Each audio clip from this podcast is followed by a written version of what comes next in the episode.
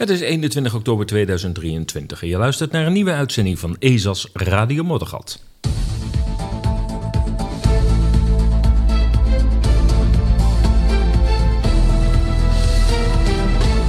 En in deze uitzending nieuwe Kennedy, Bobby, in de race voor het Amerikaanse presidentschap. En de World Health Organization eh, loopt een race tegen de klok. En dan een onderwerp gastschrijvers op ESA's straks dus. Apple onder druk voor herstart scanning iPhones, jawel. En de doodlopende weg van windenergie. En dat allemaal vandaag bij ESA's Radio Morgen. En natuurlijk onopgemerkt nieuws. Die rubriek komt natuurlijk altijd aan het, uh, aan het eind. Zo, de koffie uh, staat er weer. Uh, zoals gebruikelijk natuurlijk. Dat, dat hoort er altijd een beetje bij. Weet je, wil het een beetje gezellig zijn, mag er ook een beetje koffie bij. Denk ik dan altijd maar. En dat, ja, weet je, dat houdt mij ook scherp. En als je tegenwoordig iets moet zijn, is het wel scherp blijven observeren wat er allemaal om je heen gebeurt. ja, en zo ben ik even gestopt met, met Twitter. Ik moet je zeggen dat wat zich daar allemaal afspeelt uh, aan, aan ja, um, ja, scheldpartijen wil ik niet zeggen, maar toch ja, de, mensen die constant maar op hun ene, ene been blijven staan qua mening. En dan heb je natuurlijk de mensen met, die staan op het andere been en dat gaat maar tegen elkaar in. En iedereen probeert te bewijzen dat hij gelijk heeft. En um, ja, ik, ik, ik, vind het er al een beetje sneu uitzien, eerlijk gezegd.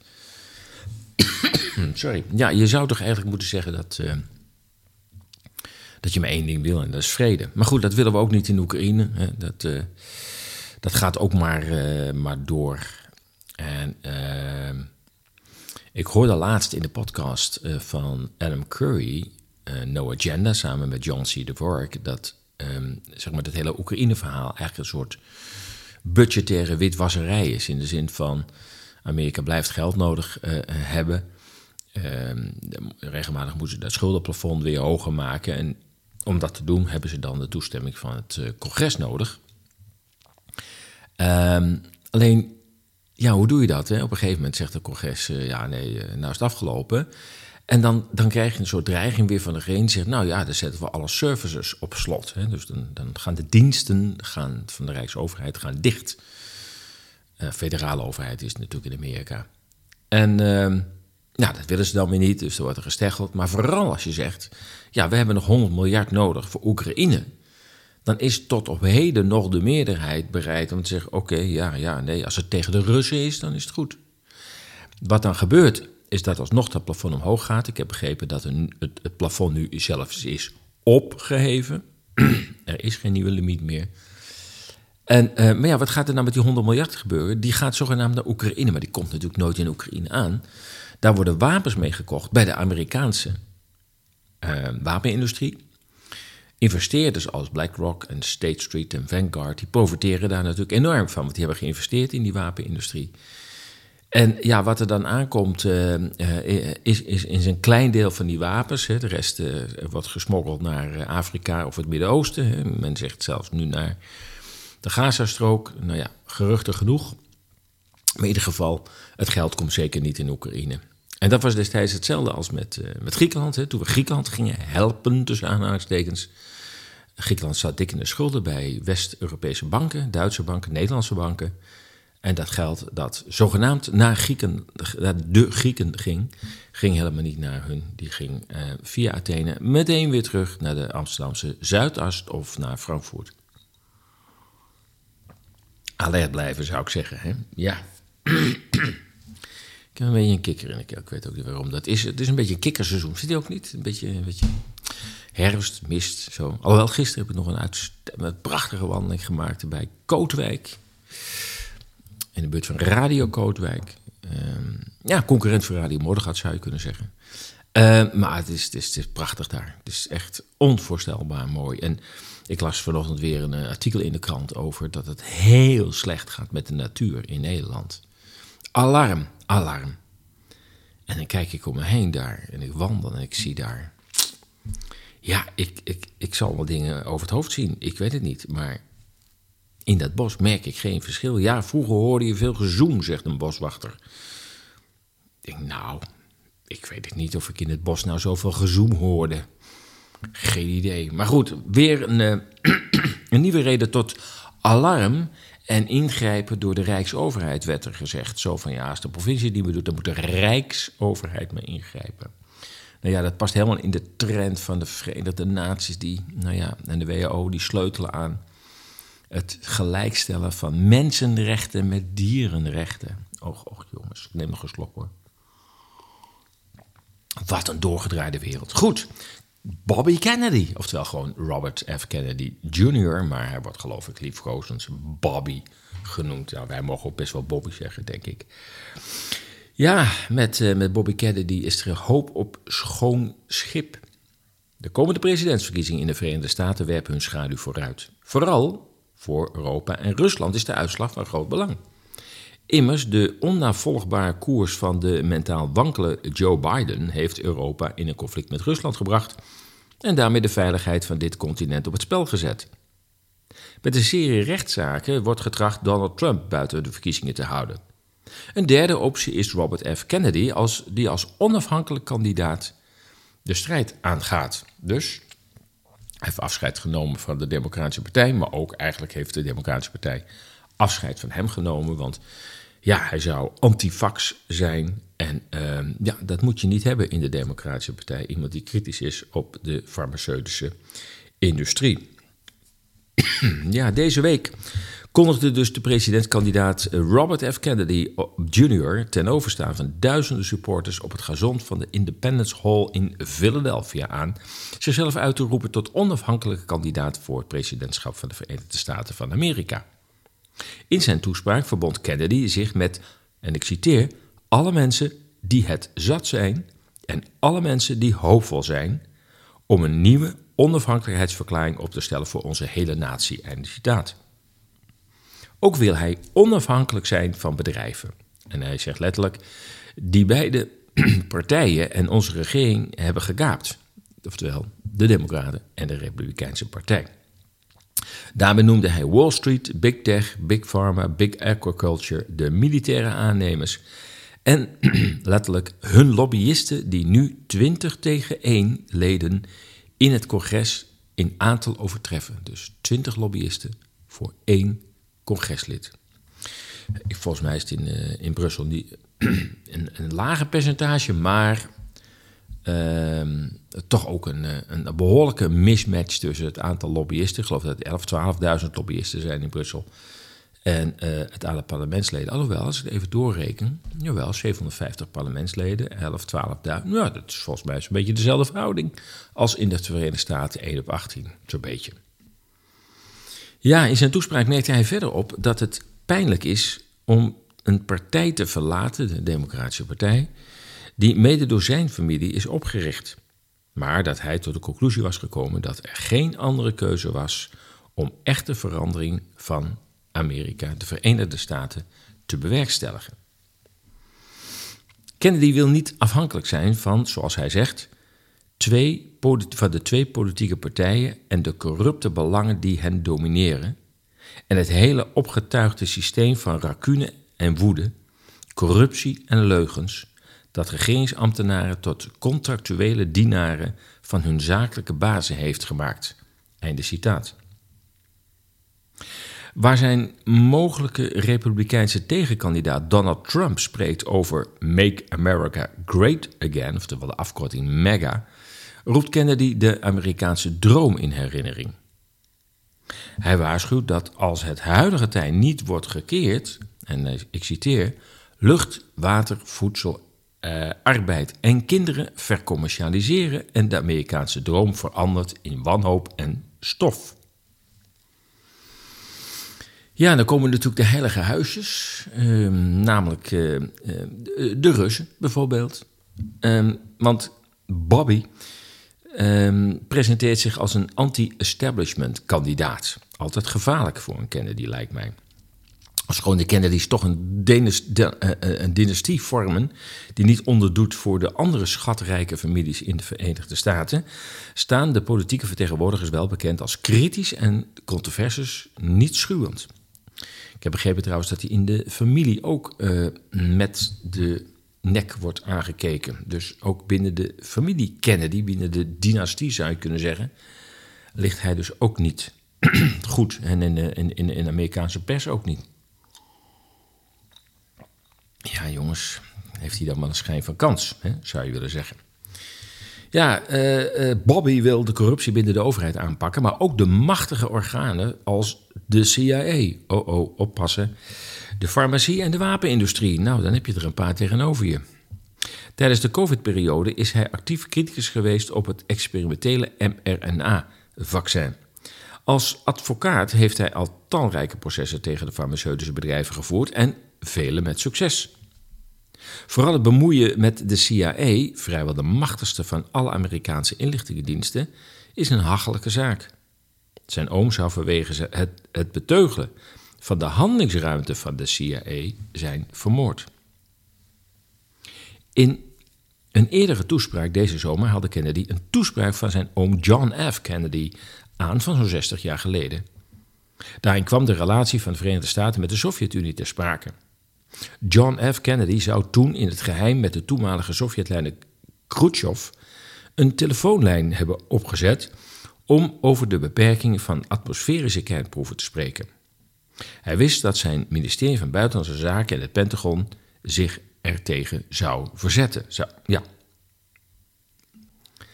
ja, Robert F. Kennedy Jr., dus zeg maar Bobby, uh, zei hierover, en ik citeer: Voor mij is het zijn belangrijkste toespraak. Het is een van de belangrijkste toespraken in de Amerikaanse geschiedenis. En wat zo ongewoon was in die toespraak, was dat hij tegen het Amerikaanse volk sprak en hen vroeg om in de huid van de Russen te kruipen. Alle anderen deden op dat moment het tegenovergestelde. Ze demoniseerden en belasteden de Russen. En hij zei: nee, we moeten in hun schoenen gaan staan, in de schoenen van onze tegenstanders. Als we vrede willen, moeten we dat doen. Dat zou onze normale manier van doen moeten zijn. Einde citaat. En dat was dus een citaat van zijn oom Robert F. Kennedy. Nee, ik zeg John F. Kennedy, sorry. Ja, dan las ik toch helaas een uh, teleurstellende tweet van uh, Kennedy. Zo zie je dat al die onderwerpen, COVID, klimaat, uh, Oekraïne, Israël... Ja, alle, alle, alle coalities en scheidsleiders die, die nou ja, nog enigszins herkenbaar waren... worden door het onderwerp Israël weer helemaal doorsneden. En, en nu zijn tussen aanhalingstekens de wappies weer verdeeld en de, de, nou ja, de overheidsgetrouwen zijn verdeeld. Je ziet het zelfs in de politiek, in de media. Zo krijgen we steeds meer onderwerpen die in het uh, vakje passen, verdeel en heers. Kennedy gaf onlangs lucht aan zijn standpunt over de situatie in Israël. Een standpunt dat elke presidentskandidaat moet innemen, omdat zonder steun van een sterke pro-Israël-lobby niemand het hoogste ambt zal kunnen bemachtigen. Het stelt teleur dat deze vredespresident dit principe ook in dit geval geen of, uh, ja, dit principe ook in dit geval geen gestand doet. Het Midden-Oosten heeft rust nodig, vrede en verdraagzaamheid naar mijn mening. De VS moet haar macht inzetten om dat te bereiken. En dat doet dus uh, Kennedy niet, die een onvoorwaardelijke steun aan uh, Israël um, bepleitte. Um, en daar dus ja, eigenlijk niet een soort middenweg zocht. En zocht van ja, ja, had ook gewoon steun uit kunnen spreken. En zeggen ja, maar desalniettemin zullen we toch om de tafel moeten gaan weer. om dit probleem echt een keer de wereld uit te helpen. Hoe moeilijk dat ook is. Ja, de oud-US uh, uh, Marine wapeninspecteur Scott Ritter, uh, bij de luisteraars en lezers van ESAS wel bekend, denk ik, reageerde direct en zei: um, ik, ik vind Bobby Kennedy een zeer sympathieke en een goede presidentskandidaat. Maar ehm, ja, dit, dit, hier ben ik het absoluut niet mee eens. En ik denk dat hij hier heel veel kiezers mee gaat verliezen. Voor wat het waard is, ik weet het niet. Ja, um, Bobby, als die president wordt, wil hij beginnen met het afbouwen van het imperium. We hebben het over de Verenigde Staten. Hij belooft de troepen naar huis te halen en, zoals hij dat letterlijk zegt, te stoppen met het opstapelen van onbetaalbare schulden om de ene oorlog naar de andere te voeren. Als het aan Kennedy ligt, zal het leger terugkeren naar zijn eigenlijke rol, het verdedigen van het eigen land. Hij wil een einde maken aan de proxyoorlogen, bombardementen, geheime operaties, staatsgrepen, paramilitaire en, zoals hij letterlijk zegt, en al het andere dat zo normaal is geworden dat de meeste mensen niet weten dat het gebeurt. Met deze doelen die voor meer vrede in de wereld zullen zorgen, hm, dus ja, daar wel, maar bij Israël is dat toch weer een uitzondering, zal hij de CIA op zijn pad vinden. Het is immers deze organisatie die verantwoordelijk is voor veel waar Kennedy een einde aan wil maken. Ook de machtige wapenindustrie zal niet graag honderden miljarden inkomsten van het Pentagon missen als de VS geen aanvalsoorlogen meer uitvoert. Velen vragen zich daarom bezorgd af hoe veilig Kennedy is tegen een aanslag. Zijn aanvraag bij de overheid voor een persoonsbeveiliging is echter afgewezen. Het is nog te ver van de verkiezingen en Kennedy zou geen belangrijke presidentskandidaat zijn, is de motivatie. Anders spreken tegen dat Kennedy op dit punt anders wordt behandeld dan vorige presidentskandidaten. Het is overigens de vraag of persoonsbeveiliging vanuit de overheid met zijn pijlen gericht op diezelfde overheid wel iets zou uitmaken. Het jaar 2024 wordt in ieder geval een spannend jaar. En niet alleen voor de Verenigde Staten, maar ook voor het van de VS zo afhankelijke Europa. Ja, jongens, het is wat, hè. Goed, inmiddels zie ik een verhuiswagen voor de studio uh, staan, maar ESAS gaat niet verhuizen hoor. Alhoewel, we zijn pas verhuisd naar uh, uh, esas.substack.com. Nou ja, esas.nl is ook nog gewoon in de lucht, maar het is een, uh, een schaduwwebsite zou je kunnen zeggen. Um, en ja, Substack heeft iets andere faciliteiten, waardoor daar weer dingen kunnen die niet uh, gewoon op esas.nl kunnen. Uh, onder andere, dat vind ik wel heel bijzonder, um, is um, dat een transcript wordt gemaakt van de podcast van Radio Moddergat. Dus als je de podcast zou beluisteren op uh, esas.substack.com, dan kun je transcript aanklikken. en iedere zin die ik heb uitgesproken wordt uitgeschreven. En dan kun je op die zin klikken en dan kom je precies op dat audiofragment uit. Het kan allemaal tegenwoordig. Goed, we gaan naar de World Health Organization. Daar krijgen we ook wat eh, mee te stellen. Maar die voert inmiddels een race tegen de klok voor de herziening van de IHR. Dat zijn de International Health Regulations. U weet, de VN en in dit geval dus de WHO is heel bezorgd om onze gezondheid. Vorige week vond in Genève de vijfde ronde van intensieve besprekingen plaats over de herziening van de International Health Regulations. Die stammen uit 2005, deze versie heb ik eh, begrepen. Partners van de IHR zijn de 196 staten, de Europese Unie en de waarnemersdelegatie van Palestina. Dat is opvallend. Zo wordt het ook vermeld op de website, apart vermeld. Ja, zij bespraken de meer dan 300 voorgestelde wijzigingen die zoveel tijd kosten dat de deadline van de volgende World Health Assembly in mei 2024 niet wordt gehaald. De WHO overweegt nu haar eigen procedures terzijde te schuiven. Want het zal en het moet. Maar goed, daarmee is die machtsuitbreiding nog geen gelopen race. Want de herziening van de International Health Regulations, waarvan de huidige basisversie uit 2005 stapt, stamt, zal betekenen dat de WHO op grond van een verklaring van de, een gezondheidscrisis van internationale zorg ik heb het maar even vertaald, want het staat voor International Concern. Uh, ook wel pandemie genoemd. Extreme maatregelen aan de 196 staten kan opleggen zonder dat de landen hiervan met eigen beleid kunnen afwijken. Volgens mij moet je dit ook lezen in combinatie met het pandemieverdrag, wat ook uh, op dit moment in bespreking is. Daar kom ik uh, in een latere uitzending nog op terug. Het tijdens COVID afwijkende Zweedse model, het veel bekritiseerd natuurlijk in de andere Europese landen, waarbij een licht regime van maatregelen werd toegepast, zou dan niet meer mogelijk zijn. Bij deze extreme machtsuitbreiding moet worden bedacht dat de grote farmaceutische partijen de WHO financieel fors ondersteunen. De stichting Bill Gates, of de stichting van Bill Gates met zijn investeringen in de ontwikkeling van vaccins, was in 2020 en 2021, de zogeheten pandemiejaren, de grootste betaler van de WHO. Nu is dat Duitsland dat met BioNTech de grote belangen vertegenwoordigt in de ontwikkeling van vaccins. Ook moet worden bedacht dat bij, het, uh, of bij de herziening van de IHR het niet gaat over preventie van ziekte. Met welke oorzaak dan ook, door bijvoorbeeld hygiënemaatregelen, gezonde voeding of in arme landen riolering en schoon drinkwater.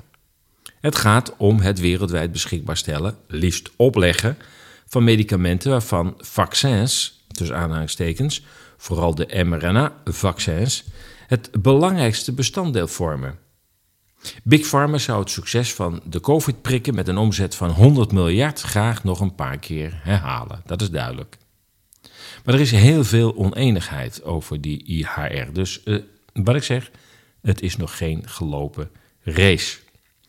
Ofschoon de WHO graag, uh, graag volgend jaar mei de herziening door alle landen aangenomen wil zien worden, liggen er nog veel obstakels op vrijwel elk terrein, op elk onderdeel van de IHR.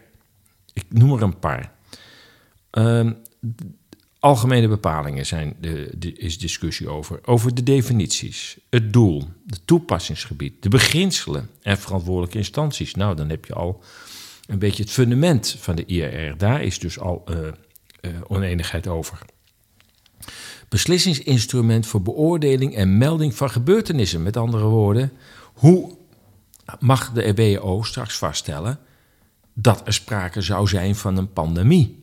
En is dat dan, wanneer zeg je dan dat het wereldwijd is? Ik bedoel, hoeveel landen moeten dan daar in die pandemie zijn? Hoeveel zieken moeten er dan zijn? Enfin, nou, dat verhaal. Uh, maar ook de locaties van binnenkomst. En daarmee bedoelen ze luchthavens en zeehavens. Waar moeten de prikken afgeleverd worden? Want daar gaat het om. Maatregelen volksgezondheid. Wie gaat dat bepalen? De gezondheidsdocumenten die moeten worden overlegd. En dat is een mooi woord, maar daar bedoelen ze natuurlijk zaken als een QR-code mee. Of een digital passport uh, met uh, je prikgegevens erin. Maar er is ook een comité voor noodgevallen. Dat zal waarschijnlijk die pandemiewet zijn, hoe die samengesteld wordt en wat die voor bevoegdheden krijgt.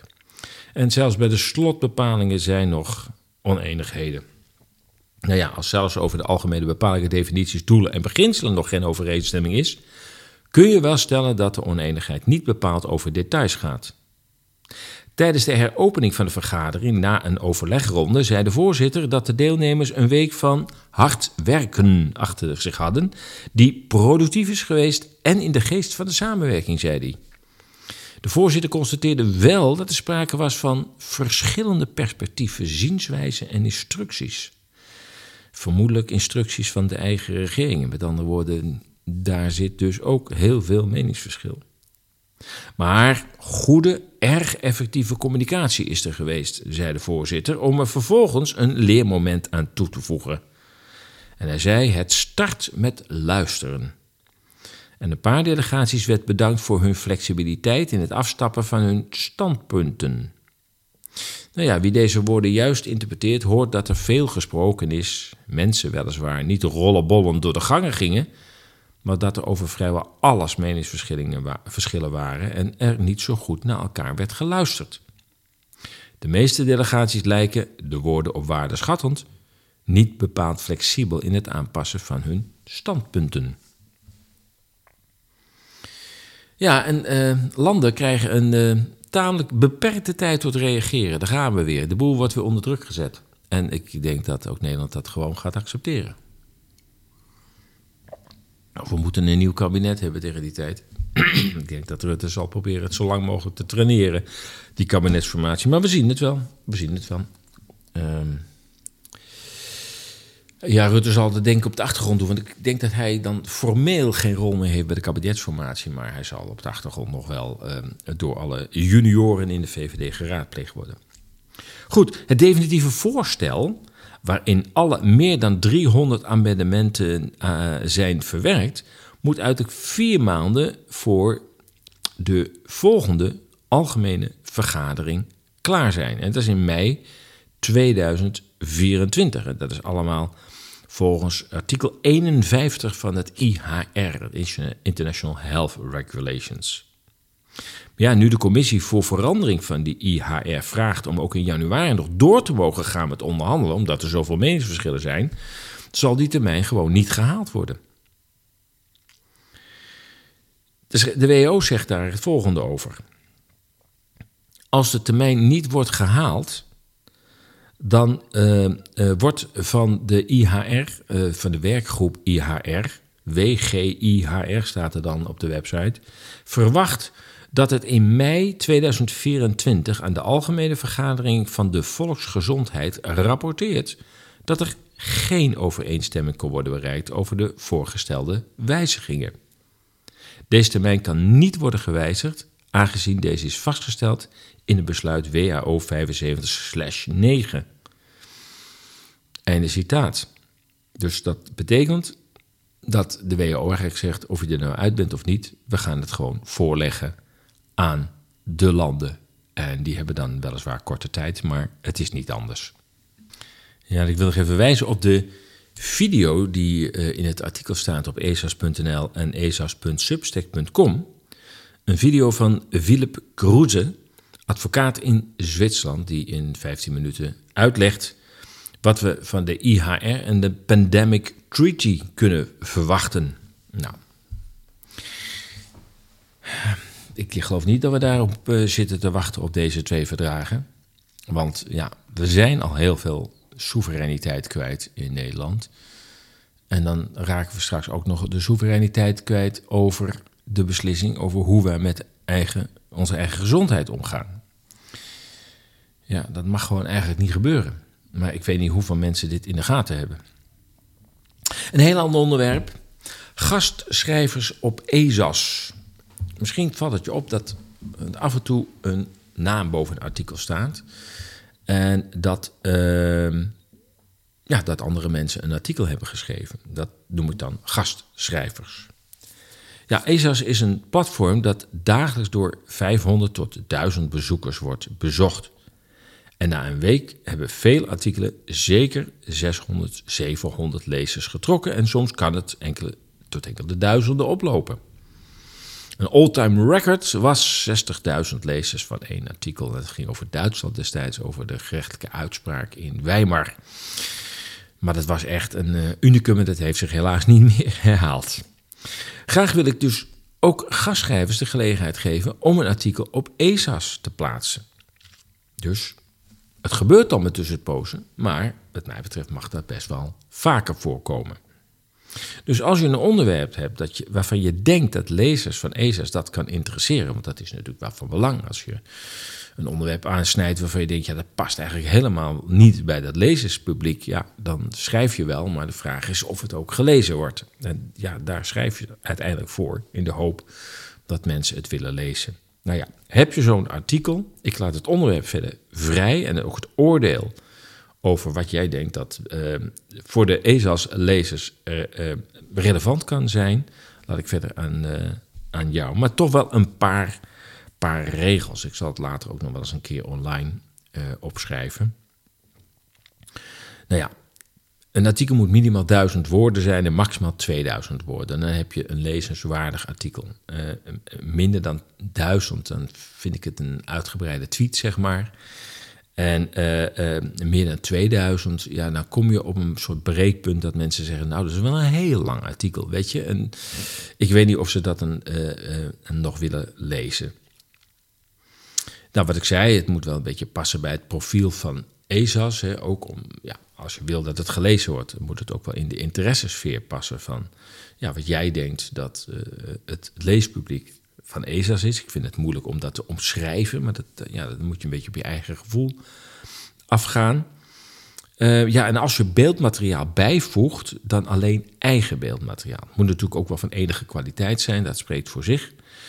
Uh, ik kies er wel zelf voor uh, de hoofdfoto, zeg maar, hè, die boven het artikel komt te staan. Die is natuurlijk heel erg belangrijk. Je hoeft geen beeldmateriaal bij te leveren, dan zoek ik die zelf ehm, ehm, op en plaats passend beeldmateriaal bij het artikel. Ja, gastbijdragen blijven altijd voor iedereen beschikbaar, dus die zullen niet exclusief worden gemaakt voor leden.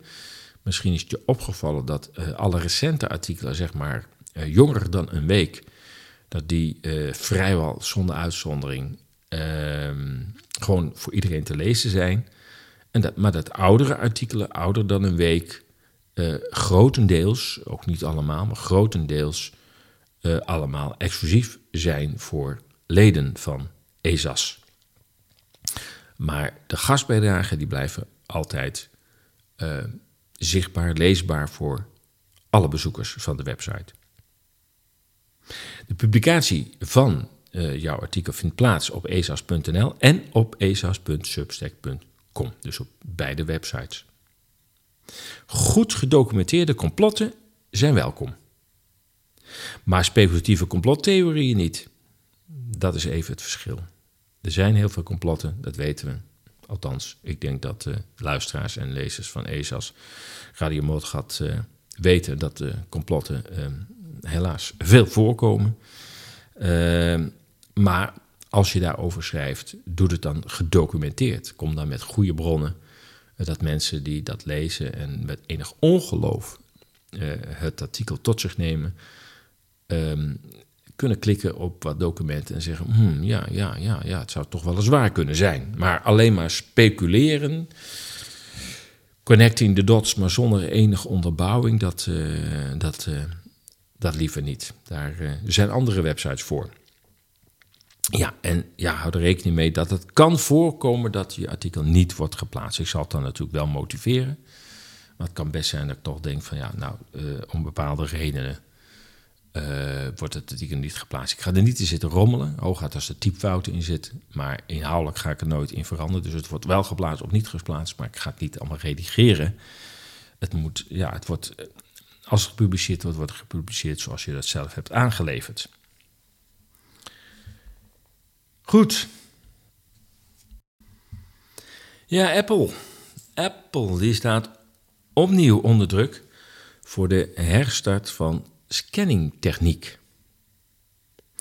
Apple was ervan overtuigd dat met het scannen van iCloud-foto's van haar miljoenen klanten, dat ze daar goed aan deed. Het ging immers, immers om het opsporen van kinderporno.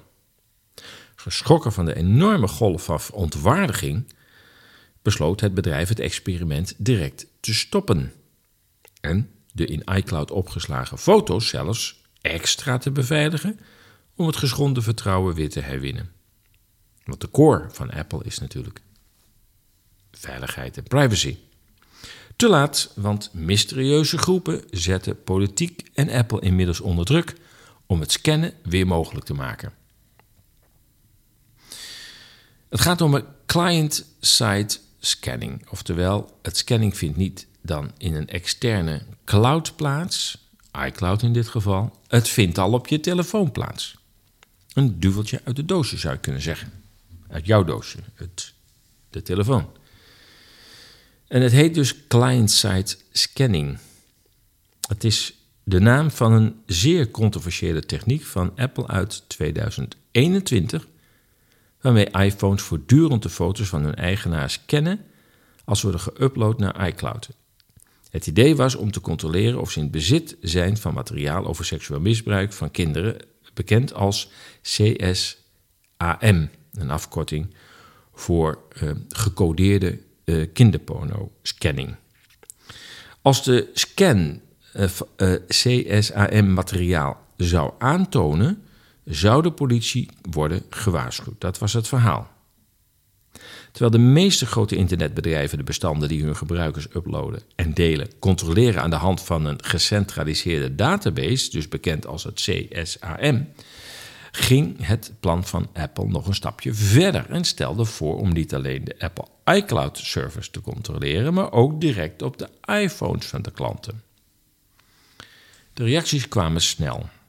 Computerwetenschappers, cryptografen, voorvechters van digitale rechten en burgerlijke libertariërs protesteerden onmiddellijk omdat ze beweerden dat het scannen een zeer gevaarlijk precedent zou scheppen.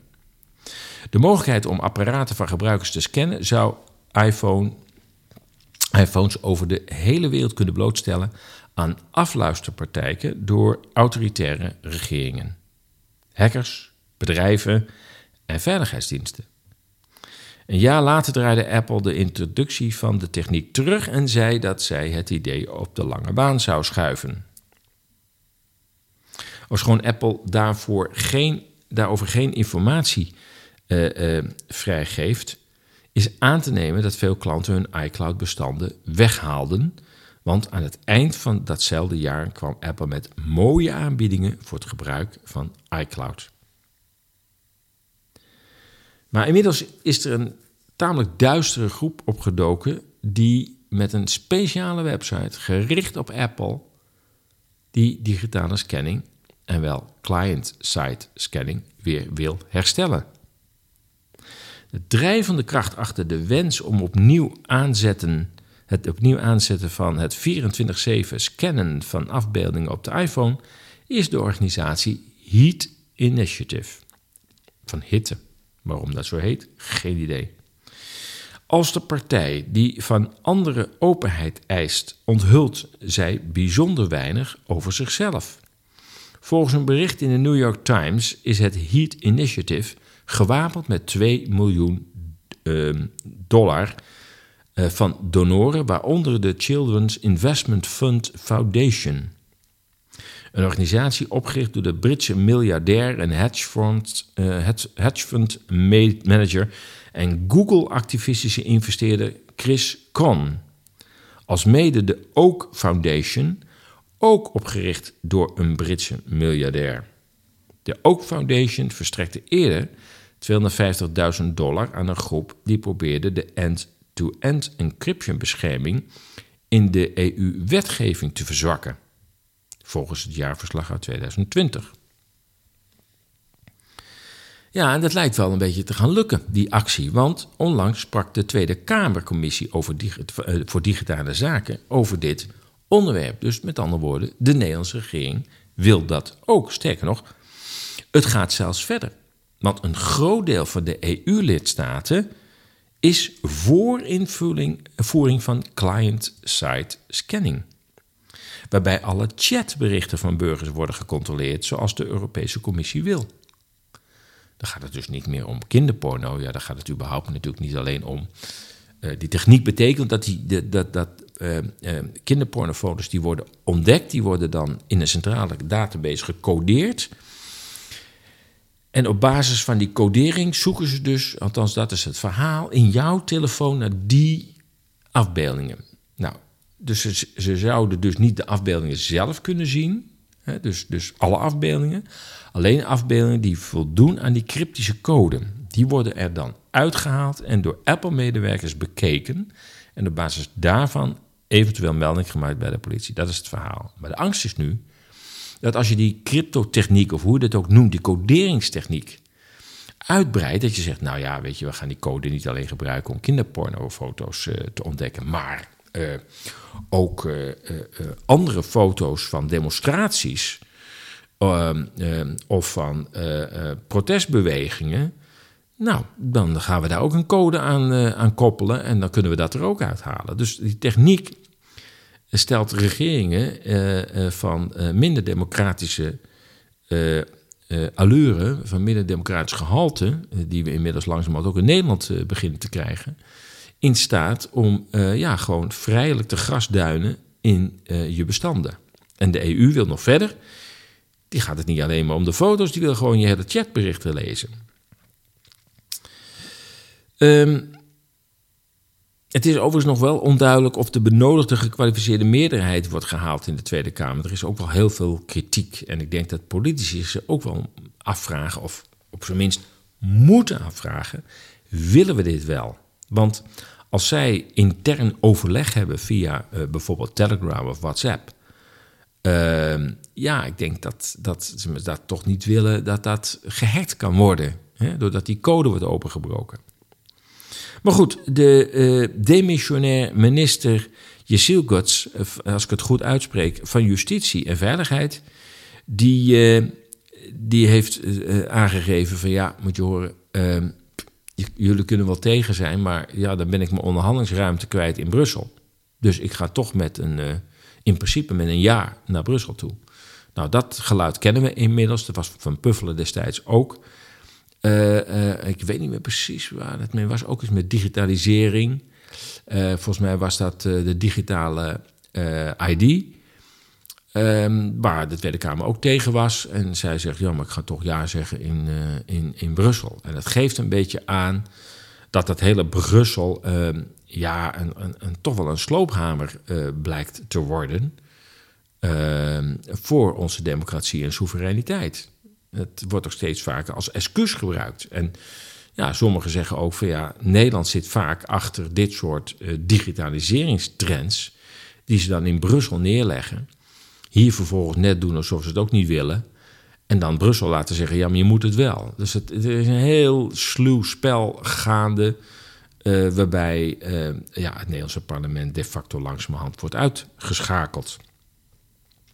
Goed, de, de hele briefwisseling tussen het HEAT Initiative en de, de top van Apple... die staat op esas.nl en esas.substack.com. En dan kun je de hele briefwisseling kun je uh, lezen. Ja, onopgemerkt nieuws. Ik haal er even één uit. We zitten alweer op 40 minuten. Um, ja, Scott Ritter um, kan niet meer achter Israël staan. En um, hij, hij, hij, zegt het volgende uh, onder andere daarover. En uh, ik citeer: Is dat zo? vroeg mijn gastheer. En mijn gastheer is dan natuurlijk de gastheer van Scott Ritter. Weet je dat Hamas door Israël is opgericht? Ik was verbijsterd, zegt Scott Ritter. Mijn gastheer, vertel, mijn gastheer vertelde me dat het de bedoeling was om een politieke kloof te creëren binnen het Palestijnse politieke leiderschap en om de macht en invloed van Yasser Arafat's Fatah-organisatie te verminderen. Daarin waren ze klaarblijkelijk geslaagd. Maar de gewelddadige reactie van Hamas op de Oslo-akkoorden had ervoor gezorgd dat Israël deze relatie heroverwoog en al snel was Israël in open oorlog met zijn creatie. Dat is even een citaat van uh, het verhaal van Scott Ritter op uh, substack.com, waarin hij helemaal uitlegt waarom hij zegt: Ja, ik, ik, ik sta niet meer achter Israël. Ik ben altijd een groot fan geweest van Israël. Maar ik sta er niet meer achter, zegt Ritter. Uh, en ik zal het ook nooit meer doen. Nou, dat is wel een hele boute uitspraak, maar goed, daar komt hij. En hij motiveert het ook in een lang artikel op, uh, op Substack. En uh, ja, daarin geeft hij uh, aan, ja, het, het, Israël vecht nu tegen zijn eigen creatie. Ehm, dat is overigens niet uniek, want ik geloof dat je bijna kunt zeggen dat de meeste terreurorganisaties wel door landen grote machten zijn opgericht en gefinancierd. Of je het nou over uh, de Mujahedin hebt, of uh, moslimbroederschap, of ISIS, of Al-Qaeda, of de Taliban. het zijn allemaal groepen die wisselende broodheren hebben, afhankelijk van nou ja, wie ze moeten bestrijden. En uh, ja, heel vaak komt het voor dat uh, ja, het monster dat je zelf hebt opgericht zich ineens tegen je keert. En dat is met ISA's gebeurd en dan moet je en uh, Al-Qaeda en noem maar op. Grote machten, grootmachten bedienen zich van terreur en terreurorganisaties om hun doelen te bereiken. Het is eigenlijk een soort proxy. Hè. Wat je nu ziet is dat de Amerikanen een proxyoorlog met Rusland in Oekraïne voeren ten koste van honderdduizenden Oekraïnse levens. Waarvan Amerikaanse senatoren zeggen: Nou, we zijn geen één Amerikaan kwijtgeraakt. Ja, zo cynisch kun je zijn. Maar dat is ook een proxyoorlog. Maar je kunt ook proxyoorlog voeren, niet door een heel land in te zetten, maar door terreurorganisaties uh, in te zetten. En ja, men zegt ook dat een aantal, aantal aanslagen in het verleden in Europa, een aantal hele zware aanslagen, zoals op het station in Bologna destijds in Italië en ook in Madrid op de metro, dat dat aanslagen zijn die door, ja, door groepen zijn uh, uitgevoerd in opdracht van de staat om bepaalde doelen te bereiken. En dat kunnen meestal doelen zijn op het gebied van wetgeving, waarbij, nou ja, de burgers weer vrijheid moeten inleveren omdat men terrorisme wil bestrijden. Nou, dat is al sinds 9-11 natuurlijk uh, fors aan de gang in de hele westerse wereld. En daartoe dienen dus uh, terroristische groeperingen, zowel voor binnenlands gebruik als voor buitenlands gebruik. Ja, het is natuurlijk een gekke wereld. Hè? En ja, dat maakt ook, vind ik, dat. Um, ja, dat die hele discussie waar ik het in het begin van deze uitzending over had op Twitter ja, zo'n vruchteloze uh, aangelegenheid vindt. Uh, zelfs uh, toch vind ik een zeer gerespecteerde columnist als Leon de Winter. ja, die is, die is. Die twittert er helemaal op los om maar te bewijzen dat uh, het de Palestijnen zijn die de schuldigen zijn uh, en Hamas. Nou, daar kan ik me wel iets bij voorstellen. Maar goed, hij moet er wel bij blijven zeggen: ja, het is wel een creatie van hetzelfde Israël.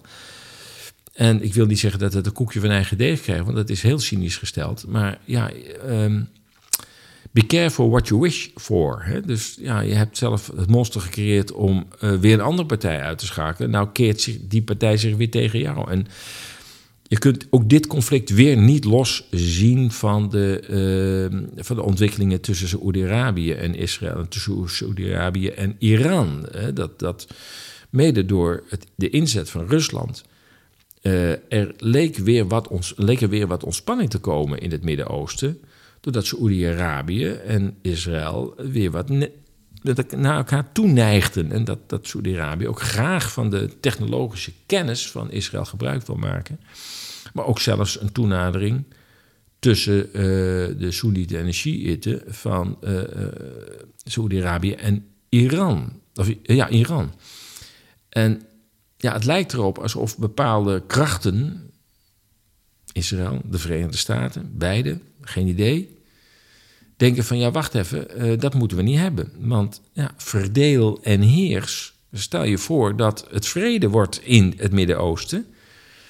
En ze allemaal lid worden van BRICS, want dat dreigt een beetje. Saoedi-Arabië sowieso, maar uh, ook Israël lonkt een beetje. En misschien als Iran zijn best deed, zou dat ook nog wel eens lid kunnen worden. Ja, dat kon de Verenigde Staten dus niet over zijn kant laten gaan. Dus het is helemaal niet onmogelijk dat de Verenigde Staten op zijn minst belang heeft bij wat er nu uh, uh, gebeurt. Dat blijkt er wel een beetje uit een uitgelekte notitie van Anthony Blinken, de Amerikaanse State Secretary van Buitenlandse Zaken. Die zou hebben gezegd tegen zijn ambtenaren: niet spreken over vredesonderhandelingen, over wapenstilstand. En met andere woorden, net zoals in Oekraïne, doorgaan, doorgaan, doorgaan. Het Amerikaanse belang is denk ik hier in het geding. Die zien ook dat mogelijkwijs uh, het voortdurende stelen van olie uit Syrië, want dat is ook een tamelijk onderbelicht uh, item, dat, dat daar ook een keer een einde aan komt. Want stel dat er vrede komt en uh, nou ja, in Syrië weer de Syrische overheid grip krijgt op het hele land, dan is het ook afgelopen met het stelen van olie door de Verenigde Staten. Er zijn ook opnames van, van een hele karavaan met, met tankauto's die olie naar een havenplaats vervoert om daar in schepen naar de Verenigde Staten vervoerd te worden. Het is gewoon roof. Het is gewoon roof. Um, en ja, er zijn ook berichten over dat, nogmaals, ik kan het niet bewijzen, maar dat is zowel over Libië beweerd als over de, de inval destijds in Irak. Dat de Amerikaanse troepen wel heel snel bij de Irakese centrale bank in Bagdad kwamen. Um, om daar het opgeslagen goud weg te halen. En er, waren, er zijn ook getuigen geweest die hebben gezegd: ja, we zijn daarna in die bankkluis geweest. En daar lag niet veel meer. Dus ja, uh, met alle respect, Nederland heeft ook die tijd uh, gehad. En Portugal en Spanje en, en, en al die um, staten die koloniën hebben gehad. Maar nu is Amerika dan al een hele tijd aan de beurt om ja, toch een soort roverstaat te zijn en, en aan te vallen, te vernietigen, eh, te plunderen.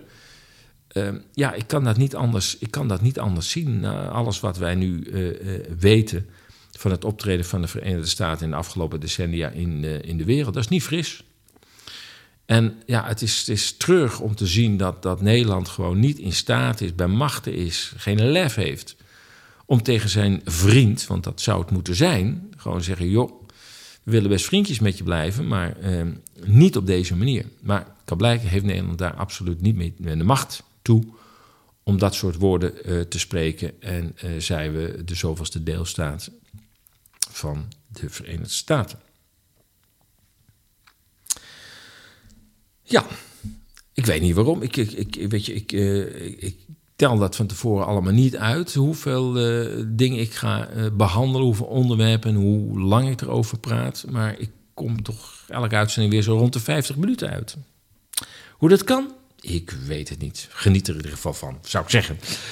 Oké, je luisterde naar een uitzending van ESA's Radio Moddergat. Als je deze podcast waardevol vond, ondersteun ESA's dan met een donatie, een lidmaatschap of een aankoop van een van onze magazines of dossiers.